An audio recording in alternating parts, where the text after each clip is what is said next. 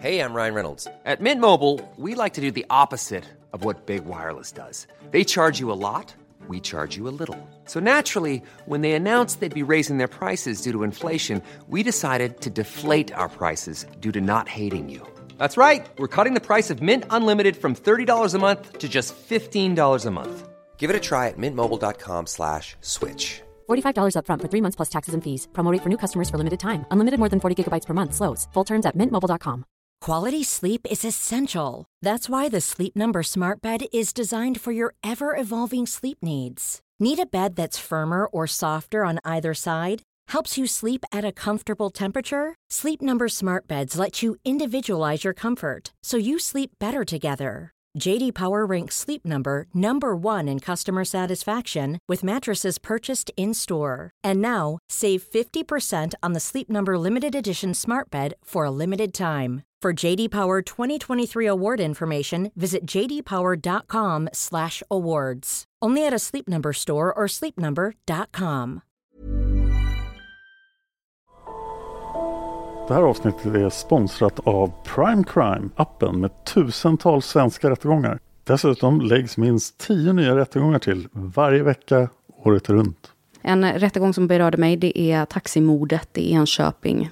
En eh, 26-årig taxichaufför som luras ut till ett naturreservat och eh, blev hängd i ett träd. Och det är fem ungdomar som döms. En 16-årig flicka och fyra unga bröder. En rättegång jag tyckte var väldigt fascinerande var föräldrar tvingade sin dotter att dricka ättika. Så otroligt galet. Prime Crime erbjuder även en tre dagars gratis provperiod. Och skulle du välja att bli prenumerant så erbjuder de antingen månadsbetalning för 99 kronor i månaden eller ett reducerat pris på två månader vid årsbetalning. Du kan avsluta när du vill. Tack Prime Crime. Tack så mycket Prime Crime.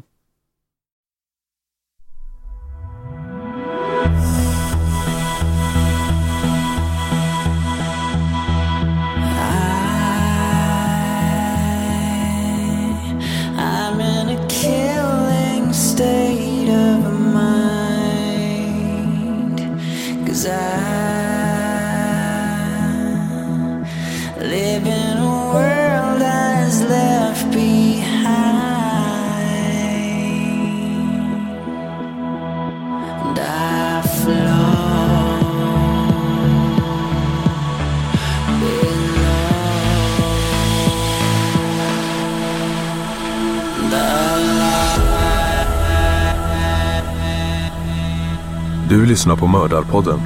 En podcast av Dan Hörning och Josefin Måhlén.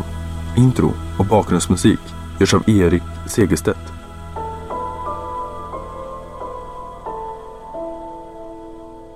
Välkommen till Mördarpodden och nu den sista delen i Olle Möller-serien. Tack till Sofie Karlsson som har skrivit hela serien om Olle Möller. Den charmfulla och stiliga idrottsmannen som blev Sveriges mest hatade man under slutet av 50-talet. Han dömdes för mordet på tioåriga Gerd Johansson. Han var misstänkt i fallet Kerstin Blom som ju liknade det här mordet på Gerd Johansson väldigt mycket. Och i förra delen så fick vi ju höra om när 34-åriga Rut Lind försvann spårlöst och en av de sista som såg henne vid liv var ingen mindre än Olle Möller själv. Hon hittas ju död sedan. Inte så likt de två andra fallen, men poliserna de har starka indicier och de tycker att det här är ett väldigt svårförklarligt sammanträffande. Men är de för desperata för att bibehålla objektiviteten? För i deras värld existerar endast en enskild förövare. Och enligt polisen och allmänheten har denne person nu klassificerats som en seriemördare.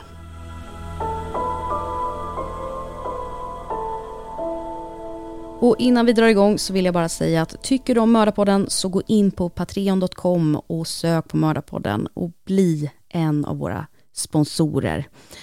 Välj en valfri summa som du vill stötta oss med per avsnitt. Blir det inga avsnitt så dras det inga pengar. Det är oerhört viktigt för den här podden och jag vill tacka alla sponsorer som vi har och som hjälper oss.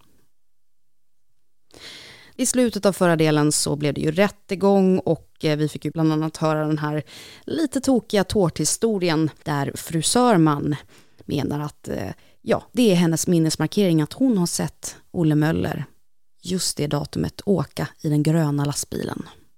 Och under sin slutplädering så säger advokat van der Velde, citat. Om Olle Möller fälls till ansvar i detta mål så tog det aldrig så tanklösa och oansvariga människor ha genom vittnesmål samverkat till en fällande dom i vårt land. Slutcitat. Han är alltså inte särskilt imponerad över vittnena som åklagaren har presenterat. Och det kan jag väl säga att det är inte jag heller, men det hör inte hit. Men häradsrätten i Örebro menar att det är ställt bortom all rimligt tvivel att Olle har skjutsat Rut Lind i fiskhandlarens gröna lastbil tisdagen den 26 maj 1959. Och i och med att det här är ställt bakom all rimlig tvivel, som häradsrätten menar, då menar de också att det bevisar att Olle har mördat Rut. Med resonemanget då att om han inte hade mördat henne så hade han ju berättat att han har skjutsat henne till Fjugesta. För det är ju klarlagt att han har gjort det. Ja. Det verkar som att rättegången mot Olle i fallet Rut tar lite tid. I augusti 1960 kommer till slut domen. Olle döms till 11 års förvaring på säkerhetsanstalt och ett skadestånd på 12 085 kronor till Ruts familj för brottet. Mm, kan ni gissa. Misshandel varav döden följt. Alltså samma brott som han tidigare dömts då för i fallet Gerd Johansson. 12 085 kronor motsvarar eh, 1960 ungefär 166 000 kronor i dagens penningvärde. Häradsrätten menar att eh, eftersom det inte gått att fastställa hur Rutlin dog så går det inte att avgöra ifall brottet var planerat. Om det har skett hastigt eller om Olle hade uppsåt. Och det är då förklaringen till varför de inte kan döma Olle för mord. Misshandel varav döden följt 1960 verkar motsvara ungefär vållande till annans död i dagens lagstiftning. Och förvaring på säkerhetsanstalt som Olle döms till är inte samma sak som fängelsestraff. För förvaring på säkerhetsanstalt motsvarar ungefär vård på rättspsykiatrisk anstalt i dagens rättssystem. Och de dömer Olle till det för att häradsrätten har bett en rättspsykolog att undersöka Olle. Rättspsykologen har kommit fram till att Olle lider av en psykisk abnormalitet. Det är därför Olle döms till förvaring då på säkerhetsanstalt istället för fängelse. I förarbetets protokollet som gäller vilken säkerhetsanstalt man ska placera Olle på så står det citat. De typiska förvaringsfallen är utpräglat känslokalla, amoraliska samt hållningslösa psykopater och inte mottagliga för straff. Slut citat. Olle överklagar sin dom till hovrätten. Hovrätten fastställer dock häradsrätten dom i mångt och mycket. Det enda hovrätten ändrar är själva brottsrubriceringen. Hovrätten anser till skillnad från häradsrätten att det går att döma Olle för dråp istället för misshandel varav döden följt. Men Olle ger sig inte där. Han överklagar med hjälp av sin advokat van der Velde till Högsta domstolen. Men Högsta domstolen ger inte överklagan något prövningstillstånd. Det går fyra år från det att Olle döms för dråp på Rut Lind. Det blir februari 1964 och det har nu gått snart nio år sedan femåriga Kerstin Blom blev mördad. Och det är ju då den här lilla flickan med gul klänning och rött förkläde som skulle ut och leka med sin nya vän efter att ha ätit jordgubbar med socker på hemma hos sin mamma Signe vid lunchtiden 18 juli 1955. I februari 1964 så ringer en kvinna till polisen och säger att hon nyligen har upptäckt att hennes gamla resväska är borta. Och när hon upptäckte detta så hade hon osökt kommit att tänka på fallet Kerstin Blom. För om ni kommer ihåg så gick polisen ut med att allmänheten skulle kolla på sina vindsförråd om deras resväskor var stulna eller sådär. De, de letade alltså efter någon som kunde identifiera en viss resväska. Kvinnan förhörs av polisen. Hon berättar att hon hade köpt en resväska av papp 1941. Flera år senare så hade hon träffat en man som heter Hugo Fernström. Och de två hade gift sig och flyttat ihop. När de hade flyttat ihop så hade de använt den här resväskan av papp. Och då hade den gått sönder i handtaget. Och som du kanske kommer ihåg så var ju resväskan som Kerstin hittades i trasig och lagad med ståltråd. Så polisen visar kvinnan resväskan som Kerstin hade legat i. Och när kvinnan får se den här resväskan så bryter hon ihop. Hon är helt övertygad om att det här är hennes gamla resväska. Polisen frågar ifall hon inte har saknat sin resväska. Men då berättar kvinnan att hon och hennes dotter har varit med om en väldigt traumatisk upplevelse. En upplevelse som medfört att inget annat i livet spelar någon roll. Särskilt inte en ihoplappad resväska. Hennes numera exman Hugo hade utsatt hennes dotter, som hon då har från ett tidigare äktenskap, för sexuellt våld när dottern var fem år tills hon fyllt elva. När det här uppdagades så hade kvinnan kastat ut Hugo och polisanmält honom och Hugo hade blivit dömd för våldtäkt av kvinnans dotter. Polisen började undersöka Hugo Fernström och det visar sig snart att han även har utsatt andra barn och tidigare partners för sexuellt våld. Det visar sig även att han nyligen hade blivit frisläppt efter en våldtäktsdom i juli 1955. Alltså, när Kerstin blev kidnappad, våldtagen och mördad. Då gick alltså Hugo Fernström fri. När Kerstin blev mördad bodde Hugo i Mariehäll ute vid Bromma. Ungefär åtta kilometer från Sankt Eriksgatan då där Kerstin bodde. Polisen förhör en granne till Hugo som berättar att eh, hennes dotter sommaren 1955 hade kommit hem släpandes på en dockvagn. Den här kvinnan kan beskriva den här dockvagnen.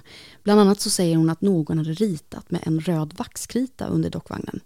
Och det är ju något som vi vet att Kerstin hade gjort på sin dockvagn. Detta tycker polisen tyder på att Kerstin har varit med sin dockvagn i området där Hugo bor innan hon blev mördad. Men tyvärr så har inte kvinnan kvar den här dockvagnen. Polisen knackar på hemma hos Hugo, som nu då bor på Södermalm den 25 februari 1964.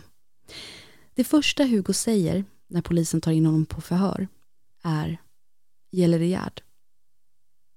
Han frågar alltså Gäller det Gerd? Det här är ju någonting som man kan tycka att polisen borde reagera på. Alltså varför är Hugos spontana tanke när han grips att det gäller Gerd? Men det verkar som att polisen förvirrat bara rättar honom och säger att nej, nej, eh, det gäller Kerstin Blom.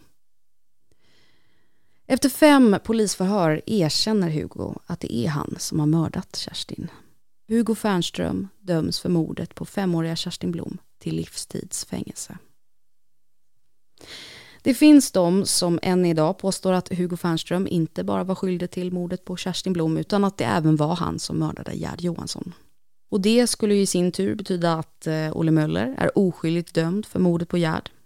Men det finns också de som än idag är övertygade om att Olle var den som mördade både Gerd och Kerstin. Vilket alltså skulle betyda att Hugo Fernström är oskyldigt dömd för mordet på Kerstin. Omständigheterna kring Gerd och Kerstins försvinnande samt hur de blev mördade är ju på vissa sätt väldigt lika. Vid båda försvinnandena så hade vittnen sett en man knuffa in en liten flicka i en bil. Gerd hade fått pengar av en man att köpa bakverk medan Kerstin hade köpt läsk tillsammans med en man inne på Konsum. Båda flickorna har blivit våldtagna och strypta. Båda hittades dessutom intill en sjö. Och jag har gått igenom vilka huvudsakliga bevis och omständigheter som användes mot Olle Möller under rättegången för mordet på Gerd. Men jag kommer nu att gå igenom vilka möjliga bevis och omständigheter som gör Hugo möjlig misstänkt i fallet Gerd. I december 1939, när Gerd blev mördad, så bodde Hugo på en gård där det bland annat fanns en schäferhund. Och som du kanske minns så hittade ju SKA hundhår på Gerd från vad de fastställde var från en schäferhund. Och Hugo hade tillgång till en mörk skåpbil som var mycket lik en Chevrolet. Och som du kanske kommer ihåg så fanns det flera vittnesmål om en Chevrolet vid Lötsjön under fredagskvällen den 1 december när Gerd försvann. Och sedan då att vittnena på Torsgatan hade sett en man knuffa in en flicka i en bil. Och den här bilen hade de ju beskrivit som en mörk skåpbil. Hugo Fernström och Olle Möller är ganska lika varandra i utseende. Hugo är lite kraftigare och lite kortare än Olle. Han har dessutom en utskjutande haka. Och här får vi minnas Maria Sjögrens vittnesmål. Hon sa under vittneskonfrontationen att Olle var lik mannen hon hade sett på Torsgatan. Men att mannen som hon har sett var kortare och grövre än Olle och att han hade en längre haka. En person som med tiden börjar tvivla på ifall det verkligen var Olle som mördade Gerd är Harry Söderman, alltså Revolver-Harry, som jag har pratat om en hel del i den här serien. Han som var chef för SKA när Gerd mördades. Revolver-Harry lever inte 1964 när Hugo Fernström erkänner mordet på Kerstin Blom. Utan tyvärr så avled Harry Söderman av en hjärtinfarkt 1956. Bara 53 år ung. Efter sin tid som chef för SKA så arbetade Revolver-Harry för Interpol. Och i sin självbiografi som gavs ut 1956, oklart om det var innan eller efter han dog, så skriver Harry att han först hade varit helt säker på att det var Olle som hade mördat Gerd. Men att det var något efter domen som började gnaga.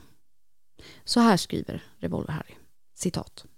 Men det var en sak som idag gör mig tveksam när det gäller hans skuld. All min erfarenhet har lärt mig att sexualmördare är enkelspåriga, envetna galningar som tenderar att upprepa sitt brott gång på gång. Men här förelåg inga uppgifter om att han någonsin ofredat barn. Slutcitat. Olle blir frisläppt 1970 eller 1971 från den här säkerhetsanstalten där han avtjänat sitt straff för mordet på Rut Lind. Han är då 64, alternativt 65 år. Han har suttit frihetsberövad i 10 eller 11 år för dråpet på Rut Lind. Och sammanräknat med eh, domen han fick för misshandeln varav döden följt för Gerd Johansson så har han suttit inne i 18 år av sitt liv.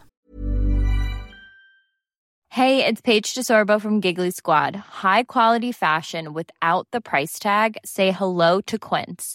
I'm snagging high-end essentials like cozy cashmere sweaters, sleek leather jackets, fine jewelry, and so much more. With Quince being 50 to 80% less than similar brands. And they partner with factories that prioritize safe, ethical, and responsible manufacturing. I love that. Luxury quality within reach. Go to quince.com slash style to get free shipping and 365-day returns on your next order. quince.com slash style. I'm Sandra, and I'm just the professional your small business was looking for. But you didn't hire me because you didn't use LinkedIn jobs. LinkedIn has professionals you can't find anywhere else, including those who aren't actively looking for a new job but might be open to the perfect role, like me. In a given month, over 70% of LinkedIn users don't visit other leading job sites. So if you're not looking on LinkedIn, you'll miss out on great candidates like Sandra. Start hiring professionals like a professional. Post your free job on linkedin.com/people today. Here's a cool fact a crocodile can't stick out its tongue. Another cool fact you can get short term health insurance for a month or just under a year in some states. United Healthcare short term insurance plans are designed for people who are between jobs, coming off their parents' plan, or turning a side hustle into a full time gig. Underwritten by Golden Rule Insurance Company, they offer flexible, budget friendly coverage with access to a nationwide network of doctors and hospitals. Get more cool facts about United Healthcare short term plans at uh1.com. Hans hälsa är dålig när han blir frisläppt. Och vid det här laget så är Olle en nedbruten man. Han flyttar ut på landet till ett torp någonstans i Närke. Och ibland så blir han intervjuad av diverse tidningar. I en tidningsartikel säger Olle, citat. Under de här ensamma åren försökte jag bli sedd av grannar och andra så ofta som möjligt. Att aldrig vara ensam för att ta alibi om något skulle hända. Det sägs att blixten aldrig slår ner två gånger på samma ställe, men det gäller inte mig. Slutcitat. Olle försöker under många år att få igenom en resningsansökan utan att lyckas. Han dör 1983 vid en ålder på 77 år. Efter Olles död så tar hans yngsta dotter över arbetet med en resningsansökan. Och som jag nämnt tidigare så finns det väldigt lite information om Olles barn, men eh, att det är den yngsta dottern betyder ju att det finns en eller fler döttrar till då. Så han hade med säkerhet fler än ett barn. Och Oles yngsta dotter menar att det finns ny bevisning som skulle kunna ändra rättens tidiga utgång. 1985 lämnar hon in resningsansökan med denna nya bevisning. Det är 25 år sedan rättegången i häradsrätten i Örebro. En del av den nya bevisningen är ett nytt vittnesmål från en lärarinna som verkar i skånska Lund. Lärarinnan heter Margareta och hon var en ung tvåbarnsmamma under 1960-talet. 1968 befinner sig Margareta i sin sommarstuga. Och det är lite oklart var den här sommarstugan ligger, men vi tror att det rör sig om Närke. Men en kväll under 1968 så fick Margareta oinbjudet besök av en man som hon inte kände. Mannen betedde sig märkligt och hotfullt. Han gjorde närmande mot Margareta och när hon avvisade honom blev han aggressiv. Mannen sa att Margareta bör få veta att det var han som mördade Rut Lind. Och Margareta svarade något i stil med att det trodde hon inte alls att han hade gjort, varpå mannen berättat detaljer kring mordet. Bland annat så säger han att det var han som hade pratat med Rut i väntrummet på Örebro lasarett. Och mannen som trakasserade Margareta var ganska lik Olle. Han var dock något kortare och hade en högröd ansiktsfärg. Som du kanske minns så fanns det vittnen som talade om att en man i rödvit rutig skjorta med högröd ansiktsfärg och som såg ut som en alkoholist kan ha varit en man som istället för Olle då var den som pratade med Rut Lind och erbjöd henne skjuts. En man som polisen aldrig ens försökte identifiera. Mannen hade sagt till Margareta att han lockade med sig Rut varpå Margareta frågade hur. Mannen hade då svarat att han känner väl till hur kvinnor fungerar och att han hade bjudit Rut på vindruvor. Detta gör detaljen från obduktionen av Rut Lind som jag nämnde i förra avsnittet väldigt intressant. Rättsläkaren hade ju hittat vindruvskärnor i Ruts magsäck. En detalj som det finns vilda argumentationer på huruvida media gått ut med det eller inte. Men Margareta hade låst in sig i sommarstugan medan den här hotfulla och aggressiva mannen hade stått utanför och bankat hela natten. Det är väldigt oklart när Margareta berättar om den här händelsen. Men Margareta kan ge polisen mannens namn. Polisen åker därför till mannen någon gång under 1980-talet för att förhöra honom. Mannen hade under 1960-talet varit sjöman. När polisen ska förhöra honom är han gammal och dement. Han kan därför inte bidra med någon vettig information. Mannen avlider kort efter polisens besök. Förhoppningsvis av eh, naturliga orsaker och inte på grund av deras besök. Enligt Högsta domstolen så gick media ut med informationen om att Rut Lind hade vindruvskärnor i magsäcken redan i samband med rapporteringen om mordet 1959. Men enligt podden Öppet fall från 2020 som har gjort en ordentlig genomsökning av Kungliga biblioteket så finns det inga artiklar om vindruvkärnorna innan 1980-talet. Och en annan ny bevisning som den yngsta dottern lägger fram i sin resningsansökan är ett vittnesmål från en bonde som bor vid ett litet samhälle som heter Nule. Nule ligger inte långt ifrån Fjugesta och bonden berättar att han 1959 hade en grön lastbil som han ofta körde runt med. Bonden minns inte vilka dagar han körde med lastbilen under 1959.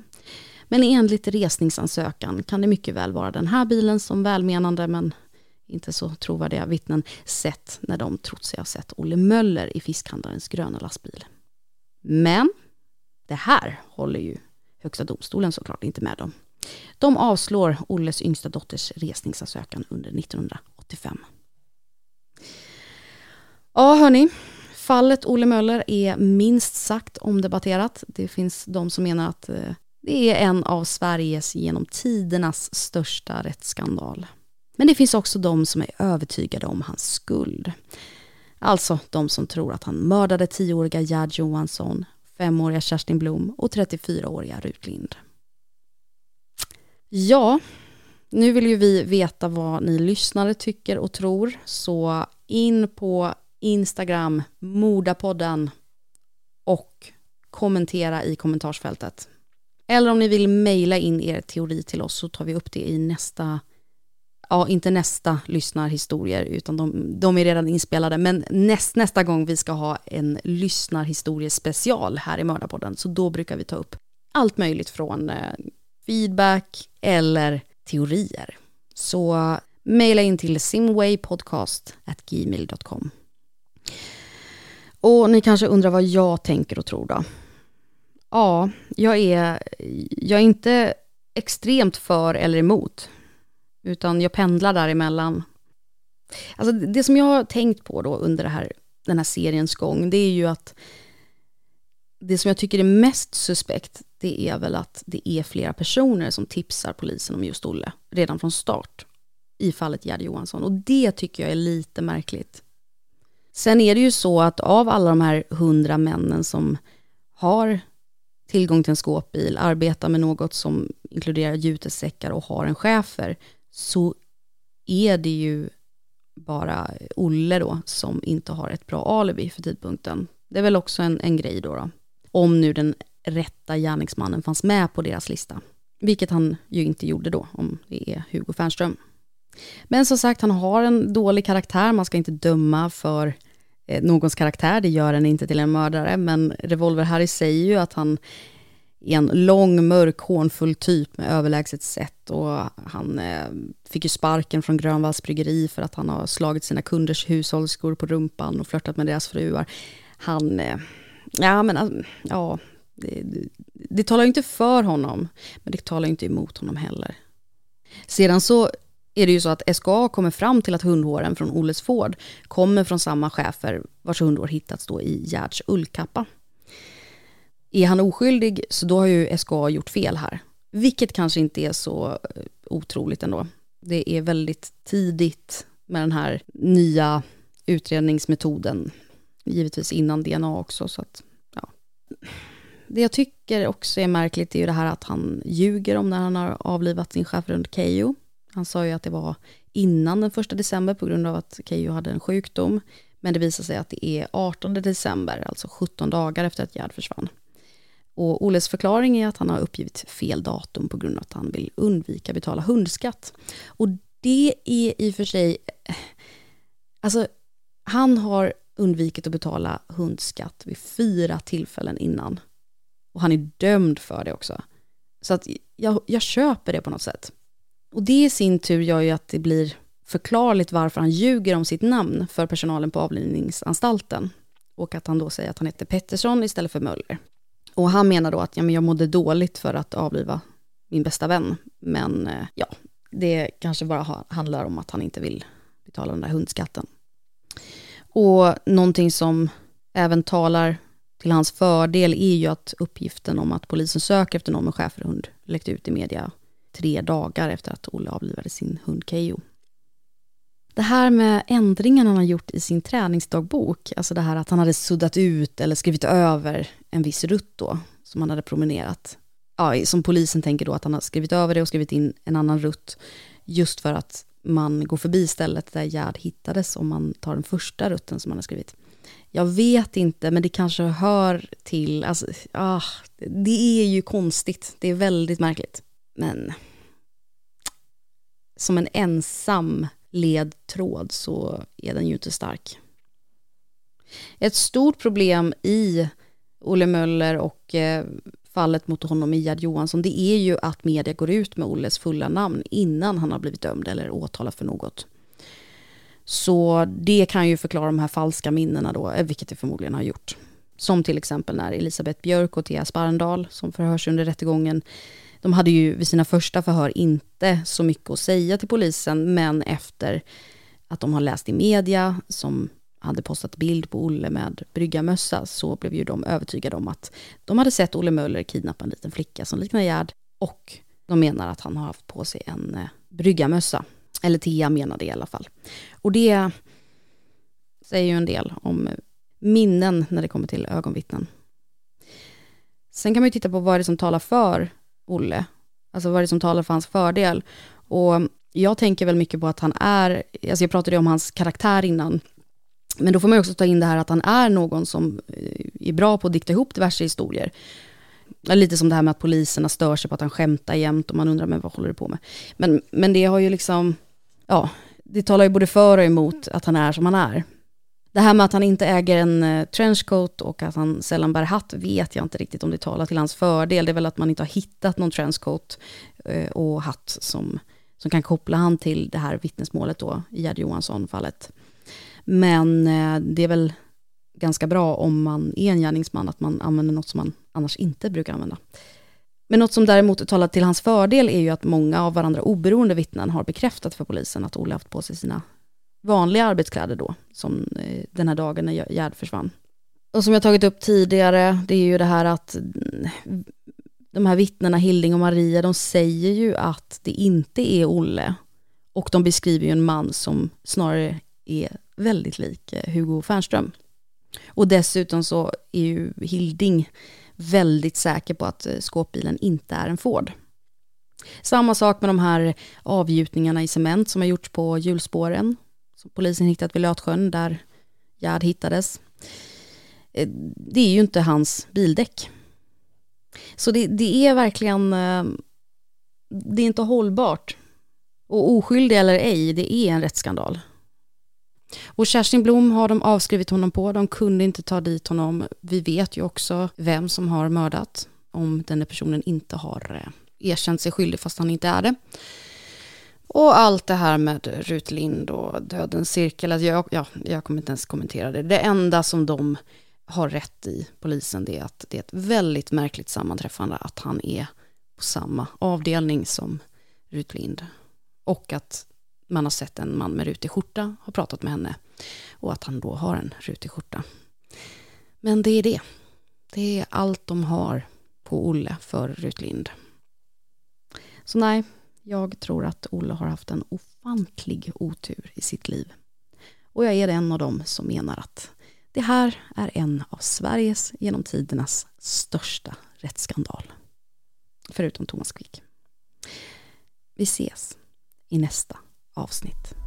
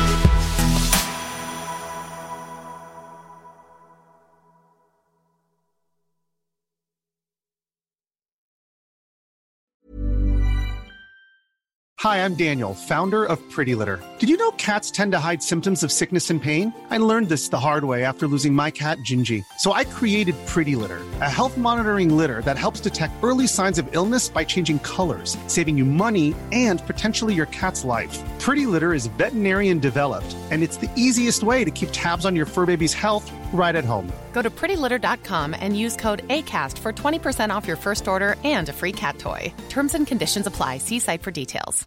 When you drive a vehicle so reliable it's backed by a 10 year, 100,000 mile limited warranty, you stop thinking about what you can't do and start doing what you never thought possible. Visit your local Kia dealer today to see what you're capable of in a vehicle that inspires confidence around every corner.